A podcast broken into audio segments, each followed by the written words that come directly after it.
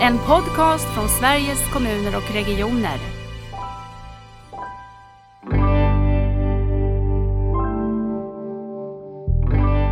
Alltså vi är Sveriges digitala ingång till hälsa, vård och omsorg. Vi är det idag för 9,6 miljoner invånare varje dag. Nära vård, eh, från golv och väggar på sjukhus och vårdcentraler till platser där människor bor, arbetar, lever och leker.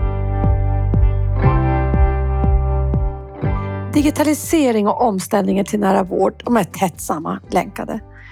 I utvecklingen av personcentrerade arbetssätt så ger ju digitaliseringen oss en väldigt unik möjlighet.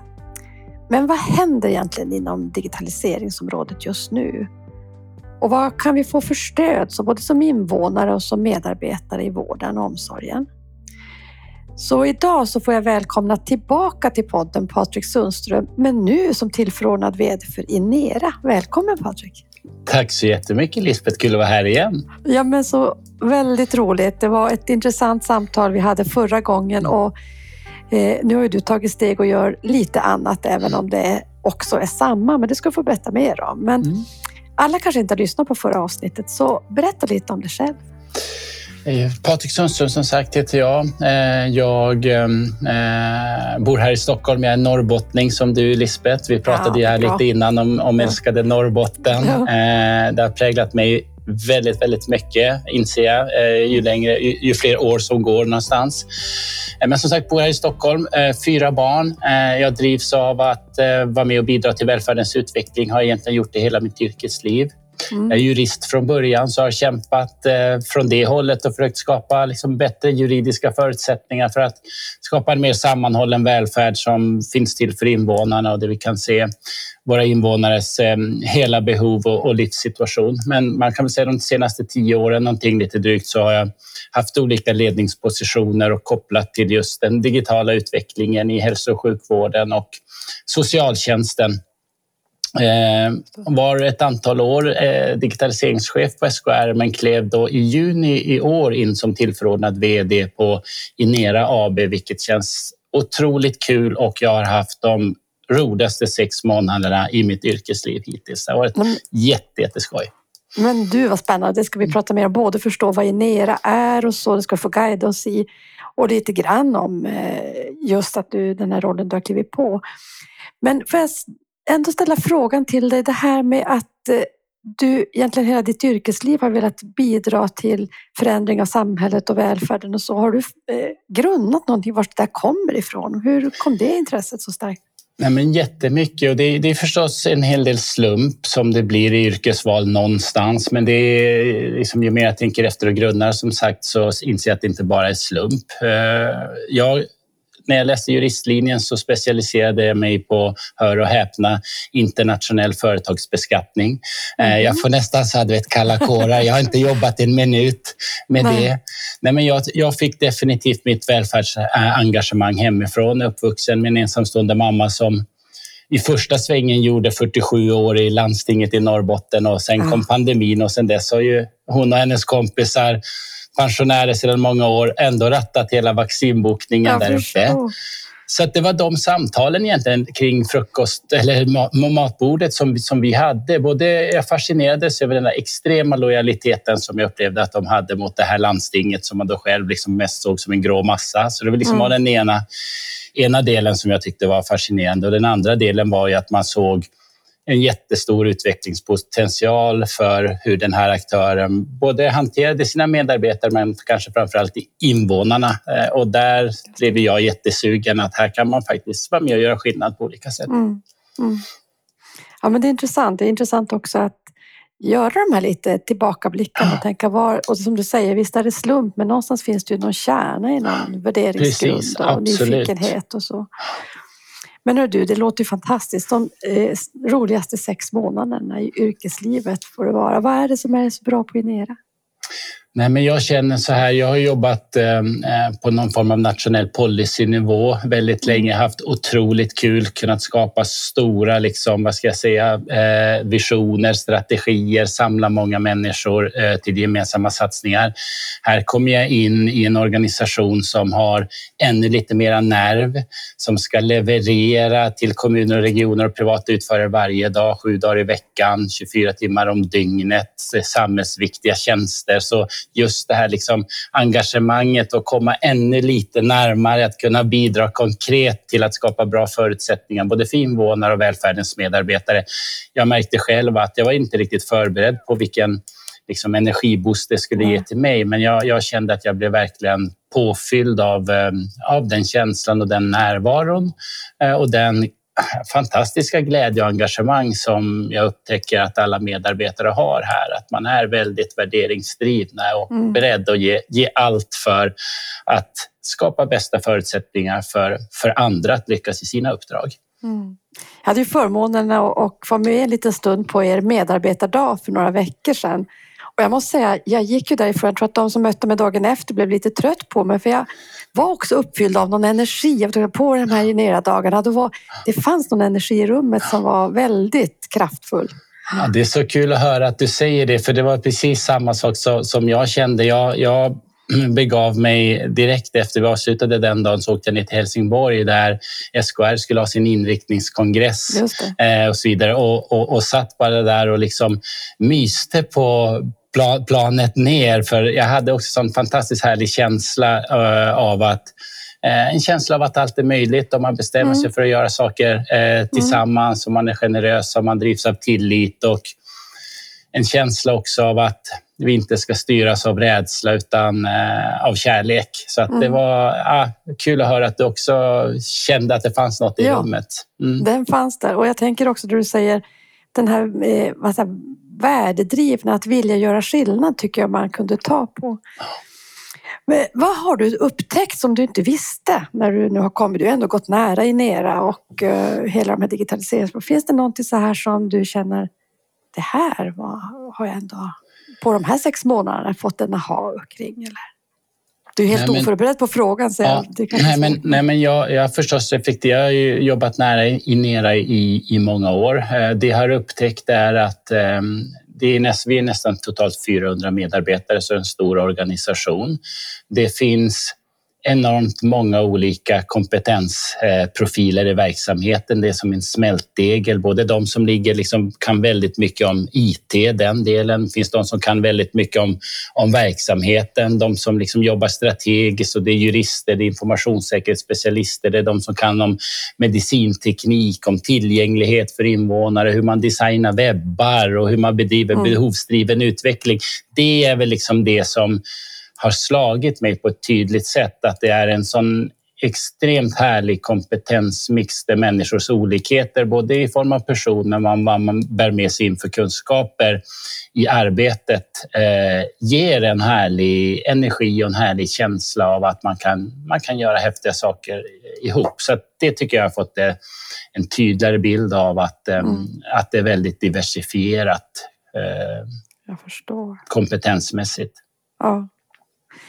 Jag tänker att du ska få berätta lite mer om Inera och sätta oss in i det. Men först ska jag vilja lite sätta ord på hur du tänker att digitalisering och nära vård hänger ihop.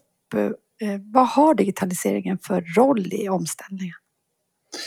Nej, men jag, jag är ju Dels är jag liksom superglad när liksom hela omställningen började formas, tog fart. Jag kände ju direkt att det här träffar mig eh, mitt i, i hjärtat egentligen. Det är det här mm. som jag ser att, eh, att jag vill vara med och försöka forma digitaliseringen för att skapa just de här möjligheterna till omställningen. Jag brukar säga i många sammanhang att jag ser digitaliseringen som en slags självständighetsreform, att vi invånare utifrån våra egna förmågor och önskemål och behov får förutsättningar att liksom maximera vår egen kapacitet och leva livet som jag själv vill göra. Känna att jag verkligen kan vara på toppen av min egen kompetens och potential, men ändå vara just nära välfärdssystemet eh, och ha en relation till dem på det sätt som, som jag önskar och på det sätt som, som jag vill.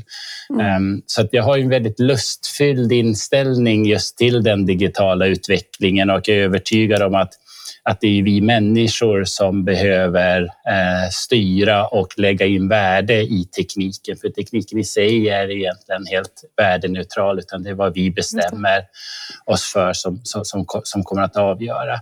Så att jag drivs egentligen av väldigt mycket av det, att, att eh, använda teknikutvecklingen till att ta ett språng och bli en ännu, ännu bättre servicebransch för våra invånare, men också naturligtvis att förbättra dagen på jobbet för alla välfärdens medarbetare. Så där, där vet vi ändå idag att glappet mellan hur smidigt vi agerar digitalt som privatpersoner och den vardag som många eh, välfärdsmedarbetare har på jobbet, det glappet behöver liksom täppas till och man, man ska med all rätta förvänta sig det gör det. För är, är det någonstans vi vill att det ska funka smidigt så är det ju här där vi tycker att vi har Sveriges viktigaste jobb. Så, att, mm. eh, så det är väl lite liksom för att, för att, för, för att rama, rama in det hela.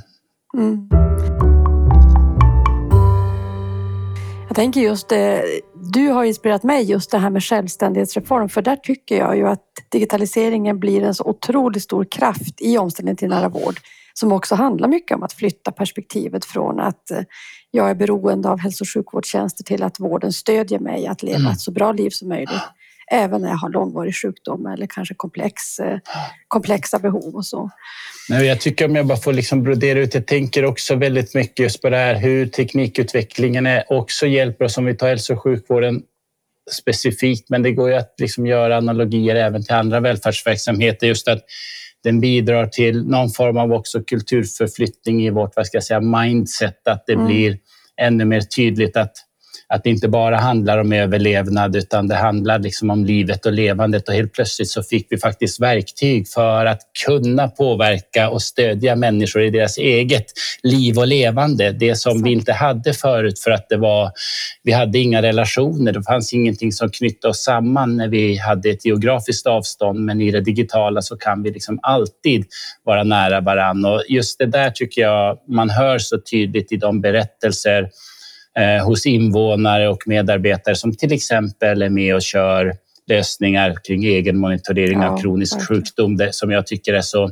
Det är de där berättelserna som, eh, som verkligen liksom sätter fingret på vad det här handlar om och vad det kan ge. Mm. Du hade satt så fin rubrik på, eh, nära, på den här medarbetardagen. Då sa du nära vård, kan du inte säga? Kommer du ihåg? Jag tror att jag hade skrivit att nära vård eh, från golv och väggar på sjukhus och vårdcentraler till platser där människor bor, arbetar, lever och leker.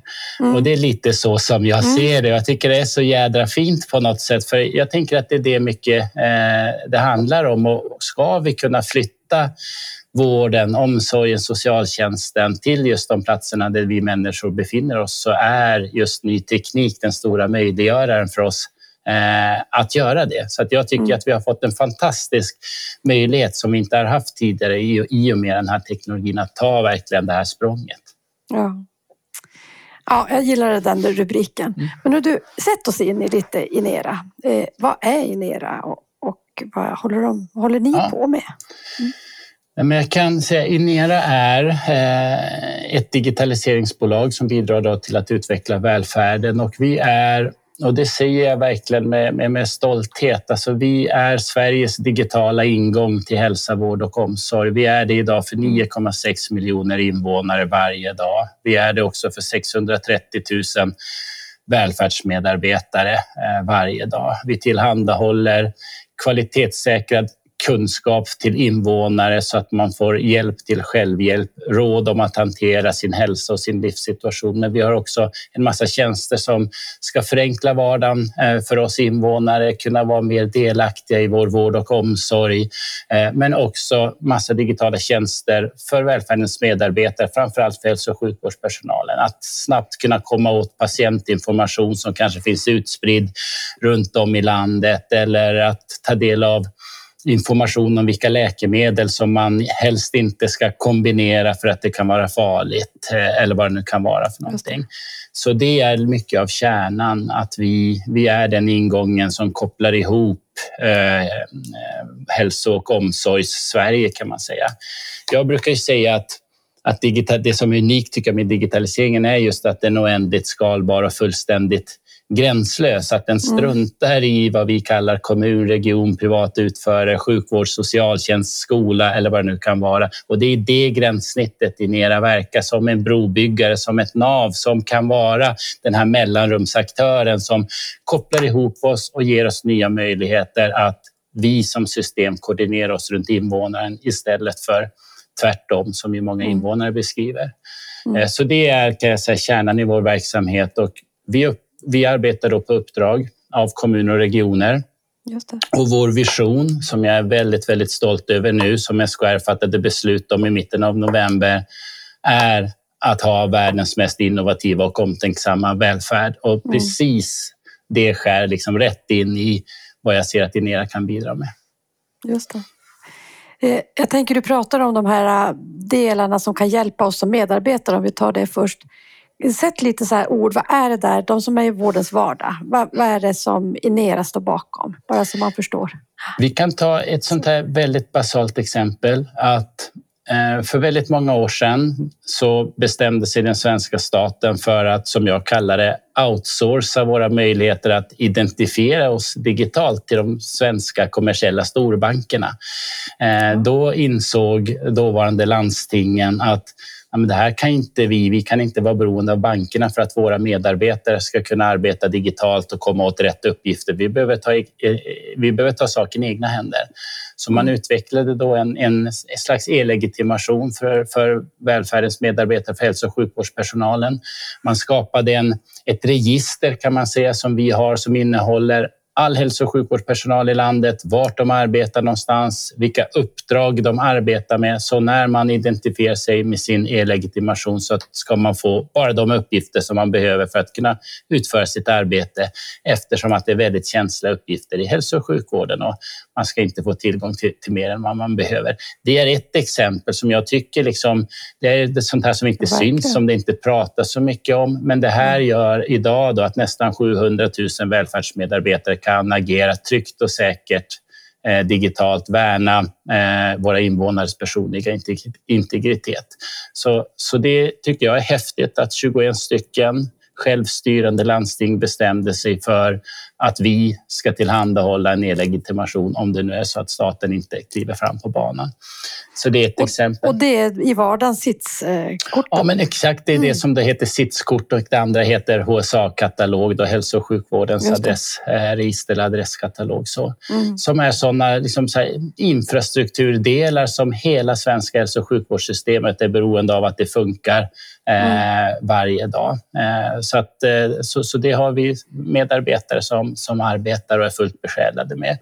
Sen kan, sen kan vi ha, eller sen har vi då det här som som kopplar ihop alla, ni vet, alla journalsystem som finns i landet. Eh, så har vi har då en, en, en, infrastruktur som kopplar ihop en massa olika system med jättemycket information om våra patienters hälsa och livssituation.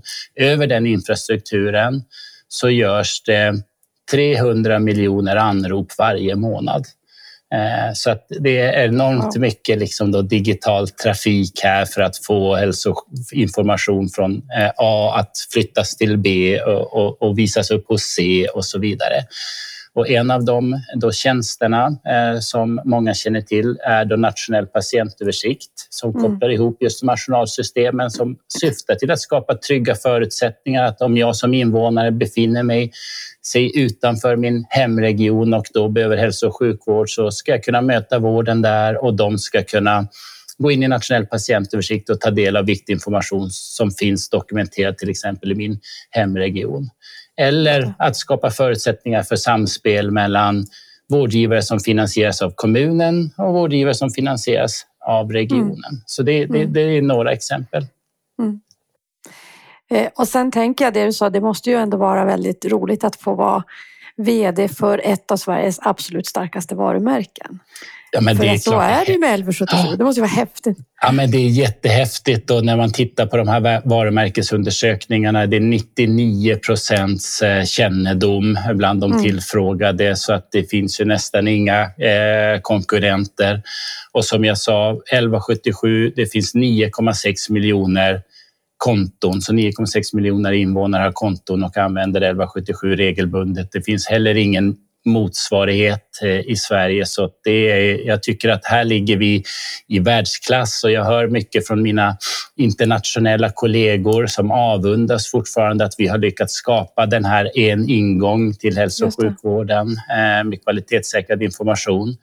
Vi har under det senaste halvåret tagit emot delegationer från, från fyra andra eh, EU-länder som just Mhm. kommer hit för att försöka lära och förstå hur har ni gått tillväga och kunnat koppla ihop tusentals aktörer i en sån här digital infrastruktur och enas om vad som är viktigt. Eh, och då brukar jag påminna om att jag tror att det som har varit den stora framgångsfaktorn, det är just att man har haft fullständig lojalitet till invånarens behov. Där. Det är invånarens Ja, behov som har fått styra, som har gjort att man hela tiden tänker att vad är bäst för invånaren? Jo, men det är att få en enkel väg in i vårdsystemet och alltid Mm. kunna lita på att den information man får är kvalitetssäkrad och sen kunna bli guidad till vidare stöd och service på olika sätt. Hur, eh, det är många som har kontot, nästan alla. Mm. Hur många besöker 1177? Har du siffror på det? Det är ungefär 20 miljoner besök i månaden. Eh, Så det är ju eh, ja, men verkligen att göra skillnad på riktigt, tänker jag. Mm. Eh, Och vi vet under pandemin så steg siffrorna. Utan 1177 hade vi fått väldigt, väldigt svårt att, att liksom möta det trycket som fanns på vaccinationer, att se sina provsvar Mm. och så vidare. Så att, så att det är ver- ver- verkligen, verkligen välbesökt. De nordiska länderna, eh, ligger vi före dem också i den här utvecklingen? Eller? Eh, När det gäller just eh, de nordiska länderna så är min bild att de, eh, vi är ungefär jämbördiga. Det är Mm. liksom, vi kan sakna några delar och de kan sakna några delar. Men alla de nordiska, nordiska länderna har också en sån här invånarportal och det är, vi har ungefär samma tjänster i dem och man kan göra ungefär samma saker. Eh, Och de flesta nordiska länderna har också tjänster för medarbetare, men det, det kan variera lite grann. Eh, Men jag skulle, jag skulle ändå vilja sticka ut hakan och säga att vi nordiska länder, vi är bland de liksom fem, fem topp i världen in, inom det här området när det gäller vår förmåga att göra det här på, på nationell nivå. Mm. Det kan finnas liksom excellenta exempel om man tänker sig på ett sjukvårdssystem i USA som är helt slutet och så vidare. Men att göra det här så storskaligt som, som vi gör i Norden och så solidariskt, det finns eh, eh mig veterligen eh, ingenting som, som slår det. Jag tänker också hur viktigt det är också att de berättelserna kommer fram. För ofta pratar vi om tillkortakommanden, hur mycket vi har kvar och vad som... Och det är klart, vi, vi har ambitioner och vi är frustrerade för saker som vi skulle vilja ska ha hänt. Men också titta på eh, vilken utveckling vi har haft och att spegla sig lite mot omvärld också är ju nyttigt. Jag tror det är jättenyttigt och jag, jag delar helt den bilden, Lisbeth, att vi tenderar alldeles för ofta att kanske klä oss lite grann i säck och aska istället Mm. för att eh, ta utgångspunkt i en stolthet över att vi har kommit så här långt och naturligtvis inte vara nöjda för vi kan mycket mer och mycket bättre. Men vi har ett utgångsläge som är, som är få förunnat och jag tror att det är mycket lättare att driva utveckling om man gör det från en lust, lust, med en lustfylld känsla än kanske med den här ryggsäcken eller ett dåligt självförtroende eh, i det hela. Så att jag tycker att det svenska hälso och sjukvårdssystemet och det, då inkluderar jag både offentliga och privata utförare och Mm. hela det näringslivet vi, vi har ska vara otroligt stolta över vart vi är och tillsammans så kan vi naturligtvis höja ribban och, och, och gå ännu längre. Mm. Vi har det sista ja, året eh, börjat intressera oss mer och mer för eh, grunderna i, det, i berättelsens betydelse och vi ser att när vi kanske gör stora omställningar som inte bara går att hitta direkta kopplingar i några, tre, fyra indikatorer så behöver vi också berättelserna. För det är som du säger, ska man driva långsiktig eh, stor transformation, då är det ju lusten som måste driva en. Då är det ju mm. stoltheten och feedbacken. Mm. Att, mm. Ja, men det faktiskt spelar roll det vi gör och att hitta mm. de berättelserna tror jag är väldigt viktigt i ledarskapet. Att, mm. Eh, ja, men jag, jag, jag, kan bara hålla med och, det är som, och jag tror att vissa saker det går snabbt för oss människor att ta vissa saker för givet någonstans. Mm. Jag såg, nu kommer inte jag ihåg exakta siffrorna, men, men jag eh, såg siffror av hur många vård och hälsocentraler som hade möjlighet till digitala vårdmöten innan pandemin. Och det var, liksom, det var två av tio tror jag. Och i dagsläget så är det 98 procent av landets vård och hälsocentraler. Och vi tar det redan för givet men allt det här har bara skett under loppet av några år. Och det jobbiga här är ju inte liksom en teknikinvestering utan det är ju tusentals människor som har lärt sig att arbeta på nya sätt, ja. funnit trygghet i att kunna möta människor, patienter, invånare och anhöriga digitalt och så vidare. Det är liksom en fantastisk resa och det är de där berättelserna som mm. jag tror att vi behöver eh, lyfta och, och, prata om och, och ja, ha som utgångspunkt för nästa utvecklingsprojekt vi vill göra. Mm. Otroligt intressant. Ja, det är verkligen viktigt att få det där perspektivet. Det har faktiskt skett och det är ju verkligen i närtid. Det är inte Aha. så många år det handlar om.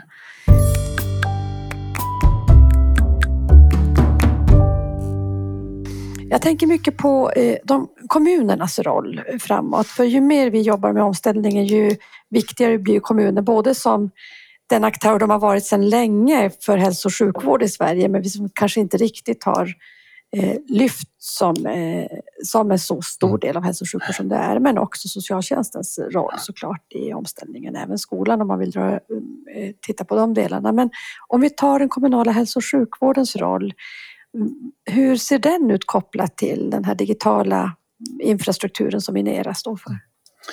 Eh, nej men min bild helt generellt är att den kommunala hälso och sjukvårdens och omsorgens och socialtjänsten och även de andra välfärden. Mm. Jag tycker att kommun är så otroligt häftigt för att det rymmer så mycket av det som betyder något för oss människor. Jag tror 70 procent av våra kontakter med det offentliga är min kommun. När allting skiter sig så är det kommunen som, som är din trygghet någonstans. Mm. Jag vill, vill, vill liksom ha det sagt. Eh, de har en otroligt viktig roll. Vi ser redan idag att vad är det, 40 procent av primärvården drivs eh, mm. i på något sätt av, av kommuner som, som huvudmän. Mm. Eh, och lite som jag sa, att eh, de flesta invånare struntar i om det är en kommun eller en region som, som man möter eller utför en insats. Man förväntar sig att det offentliga ska möta upp på ett samlat och sammanhållet och personcentrerat sätt. Eh, då krävs det också att vi skapar ännu, ännu bättre förutsättningar för eh, den kommunala sektorn att komma in i den här infrastrukturen, i tjänsterna. Vi ser att, att, eh, att regionerna har ligger lite före vad gäller den digitala utvecklingen av olika skäl. Hälso och sjukvården liksom är ju väldigt teknikintensiv på, på, på mm. regionsidan. Vi ligger i teknikutvecklingens allra framkant och gör grejer som vi knappt kan föreställa oss som privatpersoner. Det är operationsrobotar och gammaknivar och vi mäter ja. minsta beståndsdelen i DNA. Men den kommunala hälso och sjukvården är ju lite närmare människan och lite längre från tekniken. Här mm. behöver vi eh, göra ett lyft eh, och då handlar det om investeringar både lokalt men också nationellt. Eh, och den enda vägen framåt som jag ser eh, och lite som jag beskrev eh, oss på Inera, att vara navet och mellanrumsaktören, det är ju att, att verkligen satsa på att försöka koppla på ännu fler kommuner, ännu fler system, ännu mer information och tjänster i vår infrastruktur så att både medarbetare känner att man kan eh, samarbeta mellan olika aktörer på ett sömlöst sätt, men att invånare helst inte ska eh, märka någonting.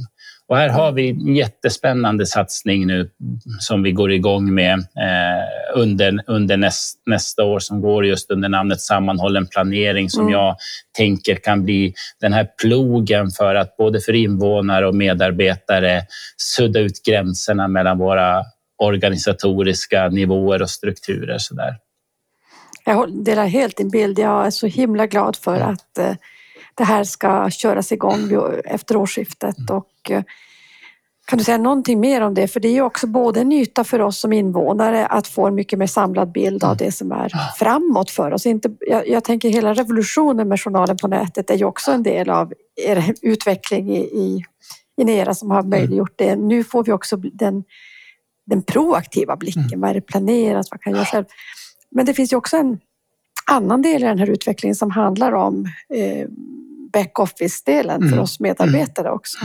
Berätta lite grann om vad du ser i den här sammanhållna planeringen. Nej, men absolut, jag kan, jag, kan, jag kan berätta lite grann. Jag kan väl ändå ta utgångspunkt i liksom drivkraften är ändå någonstans att möta invånares behov på, på, på, på ett bättre sätt. Eh, lite, det kanske är lite raljant eller slarvigt, men, men vi slänger oss ju fortfarande ibland med sådana här uttryck att man nästan måste vara frisk för att kunna vara sjuk, Mm. att det går åt enormt mycket Mm. tid och kraft för våra invånare att koordinera oss som finns i vård och omsorgssystemet istället för tvärtom. Eh, Och Mm. trots att vi idag har 1177 med alla fantastiska tjänster så är de, eh, in, hålls de inte ihop på ett tillräckligt bra sätt för invånaren. Det saknas viss information, man har inte tillgång till allt som är viktigt. Så sammanhållen planering syftar just till att, kan man säga något förenklat, få en tydlighet över hela mitt vård och omsorgsengagemang som invånare. Det är, jag tycker det är liksom hygiensaker som att förstå vilk- vem är min fasta läkarkontakt, vem är min fasta vårdkontakt, hur ser mina vårdplaner ut, mina bokade tider, vilka målsättningar var det vi kom över, överens om att jag skulle göra, Eh, vad ska jag följa, vad ska jag tänka på? Den typen, att en samlad vy över, över hela mitt engagemang som ger mig en enklare vardag, större möjlighet att vara delaktig i min egen eh, hälsa, vård och omsorg. Eh, Mm. Kommunikationstjänster som gör att den här relationen som kontinuerligt kan behöva finnas mellan mellan personal, medarbetare och anhöriga och patienter ska kunna underlättas. Eh, så. Och att den samlade bilden naturligtvis blir också då arbetsverktyget för ett hälso och sjukvårdssystem som idag är ganska fragmentariskt där man faktiskt Mm, inte sitter med eh, kunskap om, eh, om vilka andra engagemang patienter har i hälso och sjukvårdssystemet utan man ser ofta sin lilla tårtbit. Och det Mm. kan vara såna här, det kan tyckas liksom basalt men det kan vara sådana saker som att man faktiskt ser att ja, men den här patienten har en tid på vårt sjukhus den dagen, ja, men då kanske vi ska försöka synka. Så när nu, vi nu ska bjuda in patienten till oss så kan det här bli en, en smidig resa så att man inte behöver åka två tillfällen på samma vecka. Och man får koll på vilka andra medarbetare är det som är viktiga eh, för den här patienten. Så att jag tycker att det är lite grann ett skifte om vi ser att mycket av det som digitaliseringen idag har varit ett jättestort stöd för vid ganska sällan besök, lindriga åtkommor, åkommor, vad jag ska säga, så är det här någonting som adresserar det stora behov vi har att, att faktiskt skapa bättre förutsättningar för de som lever med en livslång relation till hälso och Mm. sjukvården, kanske med kroniska sjukdomar. Mm. Så att, ehm, ja, och det är det här som jag tror är ett av våra största bidrag för att stödja omställningen till nära vård och där man konkret kommer att kunna märka hur den här förflyttningen faktiskt eh, sker när man som invånare och medarbetare helt plötsligt får nya möjligheter. Så att, ja, det känns jättespännande.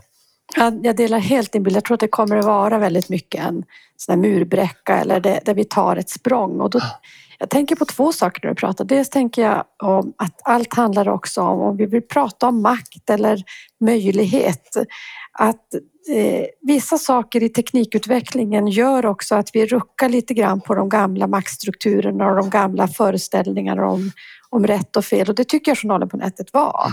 Och det tror jag också att, eh, ser jag framför mig att det här kommer att vara. Eh, Och sen tänker jag också, vi pratar väldigt mycket om kontinuitet som bärande i omställningen till nära vård. Eh, Och då har vi ofta den relationella kontinuiteten som är väldigt, väldigt viktig såklart. Det är ju mell- mellan människor och relationer. Men jag tror inte vi ska underskatta det som är informationskontinuiteten. Att jag känner mig trygg när jag faktiskt vet hur var det nu det var sagt och vad var det jag ska göra för mig själv. Och om jag behöver kontakt med den här personen, Mm. då vet jag hur jag kommer i kontakt. Mm. Och jag skulle tycka att det skulle vara väldigt intressant att fördjupa mer av ja, forskningsstudier Mm. kring vad informationskontinuitet ska, ger för tryggheten, Mm. för självständigheten, för självkänslan Mm. också. Eh, Men kanske också hur vi driver utveckling i hälso och sjukvård. För jag tänker att om vi vill få samskapande patienter, då kommer vi också få en patient som är, ser mer av helheten och säkert också kan ställa mer relevanta frågor till oss mm. som mm. medarbetare i hälso och sjukvården som gör att vi utvecklas.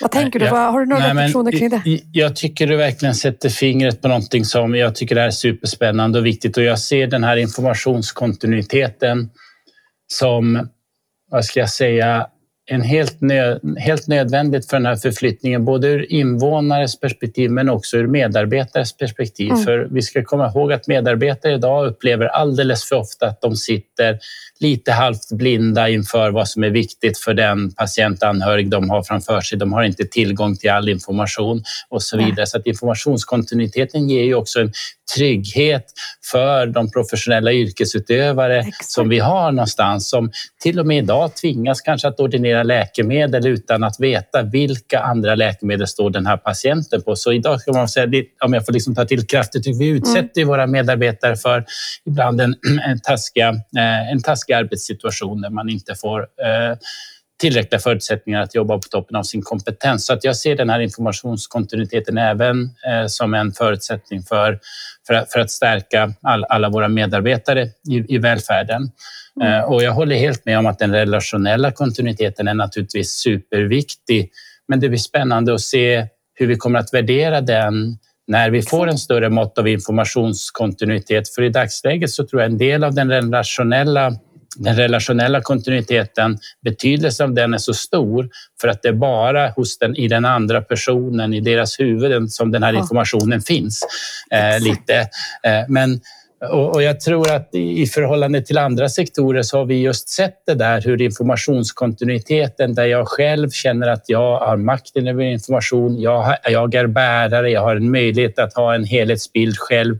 Det gör att vi kan navigera som människor med ett väldigt, väldigt stort mått av trygghet även om vi då relationsmässigt möter nya personer mm. eller nya företag eller mm. nya organisationer eh, och så vidare. Så, att, så jag håller med, det vore jättespännande att få någon följ, form av liksom ja, forskning och följeforskning på, på den typen av eh, perspektiv.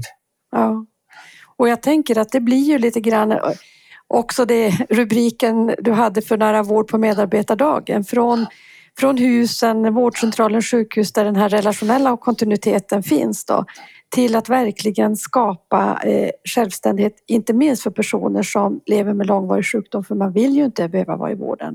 Man Nej. vill ju leva sitt liv och att kunna ha de redskapen. Eh, jag tycker också att det var väldigt roligt. Eh, I beslutsfattandet så är det ju så att det är regionerna som har sagt att men vi är beredda att satsa eh, medel för att gå igång på det här. Men att när jag hörde det några veckor sedan så hade sju av de regionerna som svarat sagt att det här vill vi också göra tillsammans med våra kommuner. Så att det, det finns ett exakt. samarbete så. Nej, men jag tror det är precis det här.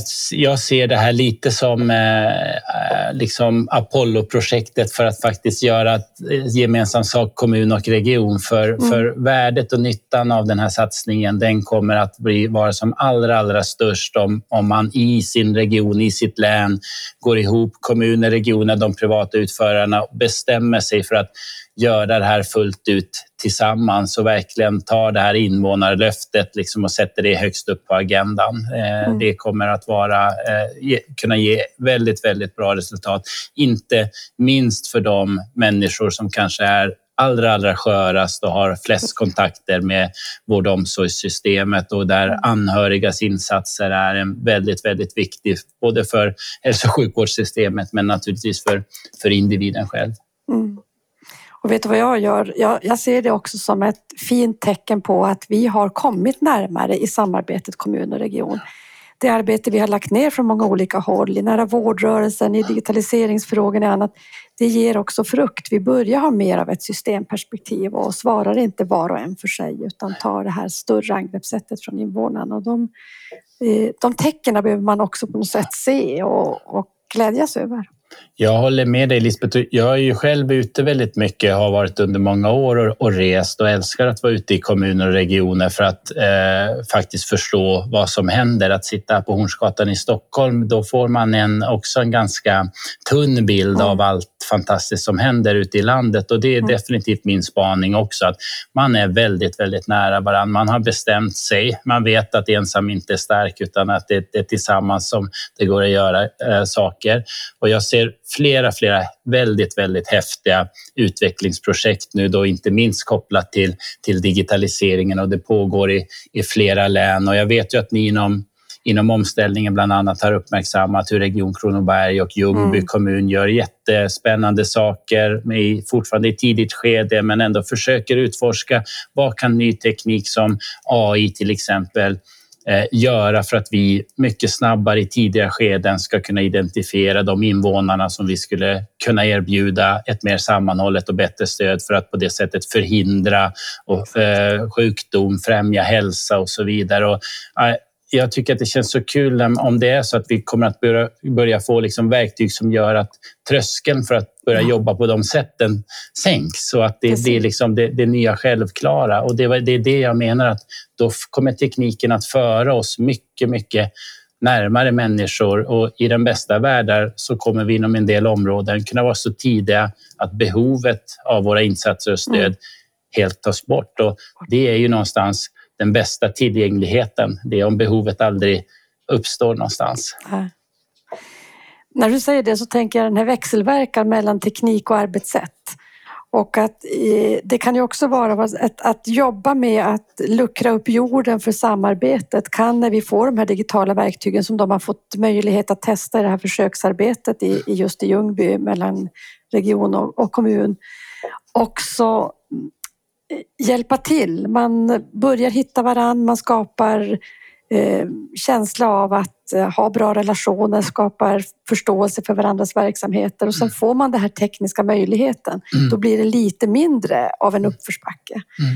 För du brukar ju mycket också säga att det är inte säkert att det är tekniken alltid som är det allra svåraste. Utan vi ska också göra på andra sätt. Mm. Så kan du säga lite grann om de här, vad är de viktigaste utmaningarna och kanske lite grann om det här med arbetssättet kontra teknik mm. också? Nej, men jag tror om vi ska börja med tekniken för att ändå inte liksom bara för att inte underskatta den helt Nej. så eh, den är en utmaning på det sättet att vi har gjort liksom cirka 30 års teknikinvesteringar i svensk offentlig sektor. Vi var liksom först ut i världen, världsklass att gå från analog till, till IT. Men det gör nu att eh, alla kommuner, regioner, alla statliga myndigheter, alla privata utförare sitter med väldigt mycket system och väldigt gamla system. System som på den tiden var perfekt designade för att inte till exempel dela data och kunna funka med varandra utan för sin smala process. Så det är bara viktigt att vi kommer ihåg att vi har ett digitalt arv som vi behöver bryta om vi vill någon annanstans. Men det är möjligt att göra, så det är liksom inte svårt, utan det är bara jobbigt. Ja. Eh, om jag får citera ja. Ingmarie Wieselgren, så den, den är inte svår, utan den är bara jobbig och det kostar. Men sen tror jag verkligen att för mig så handlar digitalisering inte primärt om teknik, utan om förändrade beteenden och arbetssätt med stöd av teknik. Och det är en annan, en annan påse och då, då tror jag vår största utmaning är i så här stora och komplexa organisationer. Mycket kultur, mycket hierarki, mycket prestige, saker som sitter i mm. väggarna, olika professioner.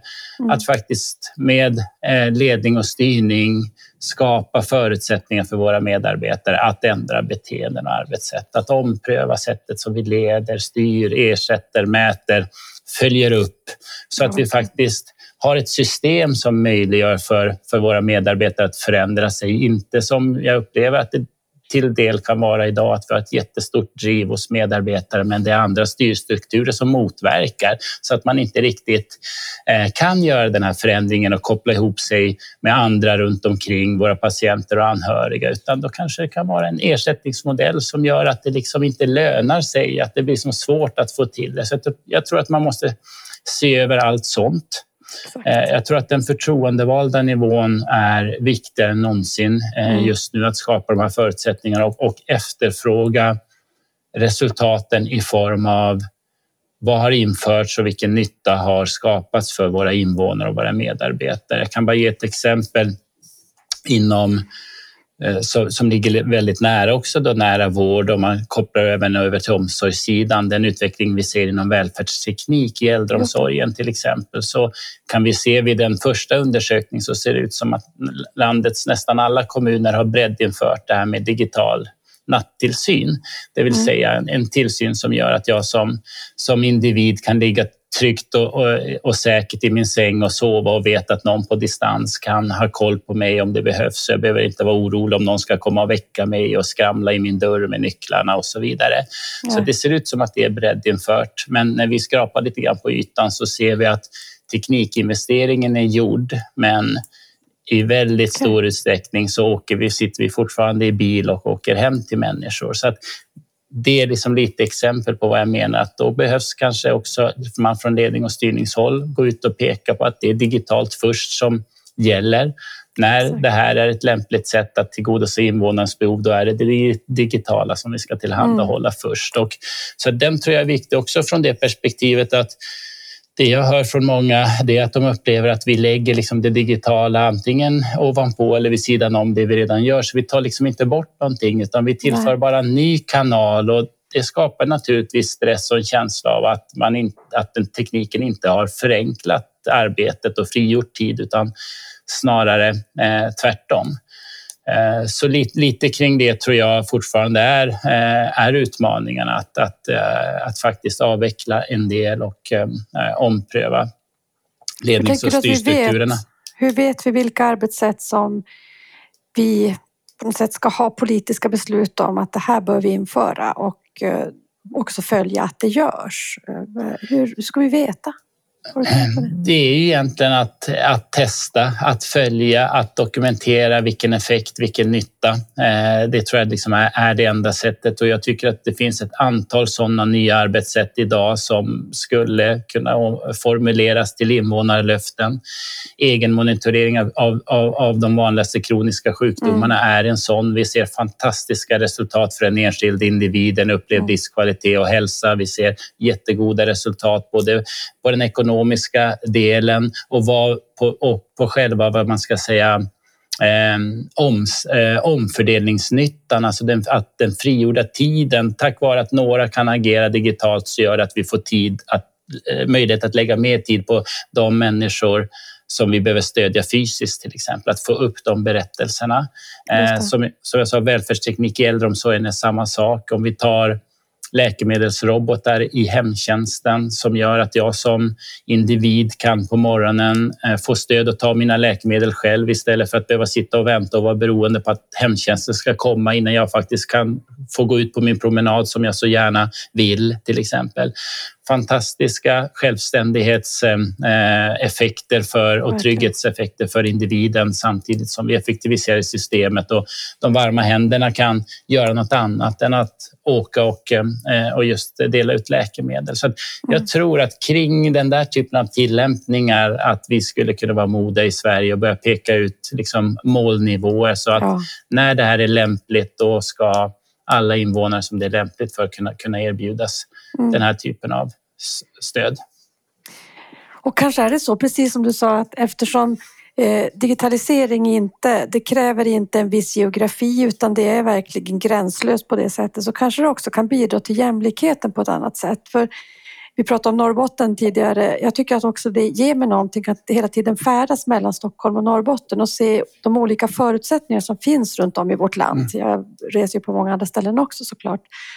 Men just det här att kunna säga att ja, men det här är ju faktiskt någonting som kan fungera både i storstad och glesbygd. Jag kan mm. få min egen monitorering för min hjärtsvikt även om jag bor väldigt långt ut, ganska långt ifrån och då är kanske värdet och nyttan än mer större för jag mm. behöver inte frakta mig eller behöver inte vara väldigt orolig för hur jag hur, mitt mående och mm. om jag borde söka eller inte söka.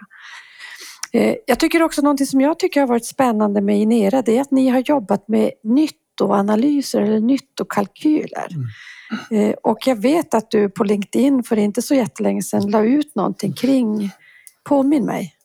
Nej, men det är ett jättespännande arbete och vi vet att det är efterfrågat. Eh, jag kan säga att jag, jag drog en liten hisspitch om den nyttokalkylen förra fredagen för landets kommundirektörsnätverk, alltså det är 42 kommundirektörer som är utsedda av alla de andra 290 att tillsammans driva viktiga frågor där digitalisering är en och de säger att det är precis det här vi behöver för att kunna få stöd i, i mm. prioriteringar och veta vad vi ska investera i.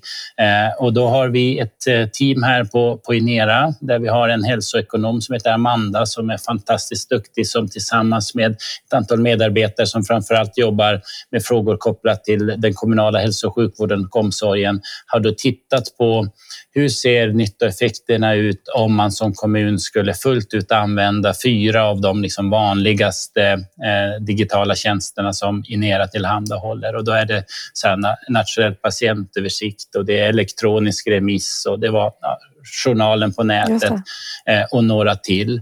Eh, och man räknade då på en kommun med 85 000 invånare, så en ganska stor kommun, men det kan man ju då räkna ner till, jag tror mediankommunen i landet är väl 16 000 invånare, men för en, för en sån kommun så handlar det till exempel i omfördelningsnytta i frigjord tid motsvarande 16 årsarbetare eh, genom att göra den här investeringen. Och jag tror mm. att det, det, är den typen av stöd som vi kan Exakt bidra med för att visa vad som eh, är mest ja, vart det finns mest värde att hämta. jag upplever just nu när vi är i ett läge där pengar egentligen inte löser välfärdens utmaningar eftersom att vi har sån arbetskraftsbrist. Så det mm. nya guldet just nu är ju våra medarbetares tid. Eh, frågan är inte vem som ska göra jobbet i välfärden utan hur vi ska göra jobbet med de fantastiska människor vi har anställda. Hur kan mm. vi se till att de får använda sin tid på jobbet till det som skapar värde för, för, för patienter till exempel. Så att, mm. eh, jag tror att det är ett jättebra sätt att, att jobba på. Vi kommer fortsätta från vår sida och försöka ta fram fler sådana stöd inom, inom fler områden. Mm. Ja, det där vill jag gå närmare också för nära vårdrörelsen. Jag tror också det är helt rätt och det är också ett sätt att du var inne på att ledarskapet behöver också för, förändras. Vårt sätt att styra, vårt sätt att ersätta, också vårt sätt att följa upp och vi kanske blir, måste för att vara i framkant mycket med att titta på nyttoanalyser och kalkyler än att bara vara reaktiv och titta vilket resultat fick vi idag av mm. det vi gjorde på ett ganska gammalt och traditionellt sätt. Du, våran tid, eh, det går så fort när man får ha sådana intressanta samtal. Jag vill ändå vara inne på eh, vår regering nu har ju en målsättning om en nationell digital infrastruktur för hälso och sjukvården. Vad det betyder får du hjälpa mig att förstå kanske. Mm. Och där tycker man också att staten behöver ta ett större ansvar. Berätta lite om det där och hur du ser samarbetet. Det är Hälsomyndigheten som har fått ett uppdrag av regeringen och lite pengar också för att göra detta. Just det, man kan väl först säga att um, det är naturligtvis väldigt positivt att regeringen vill engagera sig i det här området. Det har kommuner och regioner eh, försökt tryckt på och försökt påverka under eh, väldigt många år. Vi mm. vet att vi behöver kroka arm och skapa bra samspel mellan kommun och eh, region och stat och bidra med våra olika verktyg och kompetenser för att skapa ännu bättre förutsättningar här.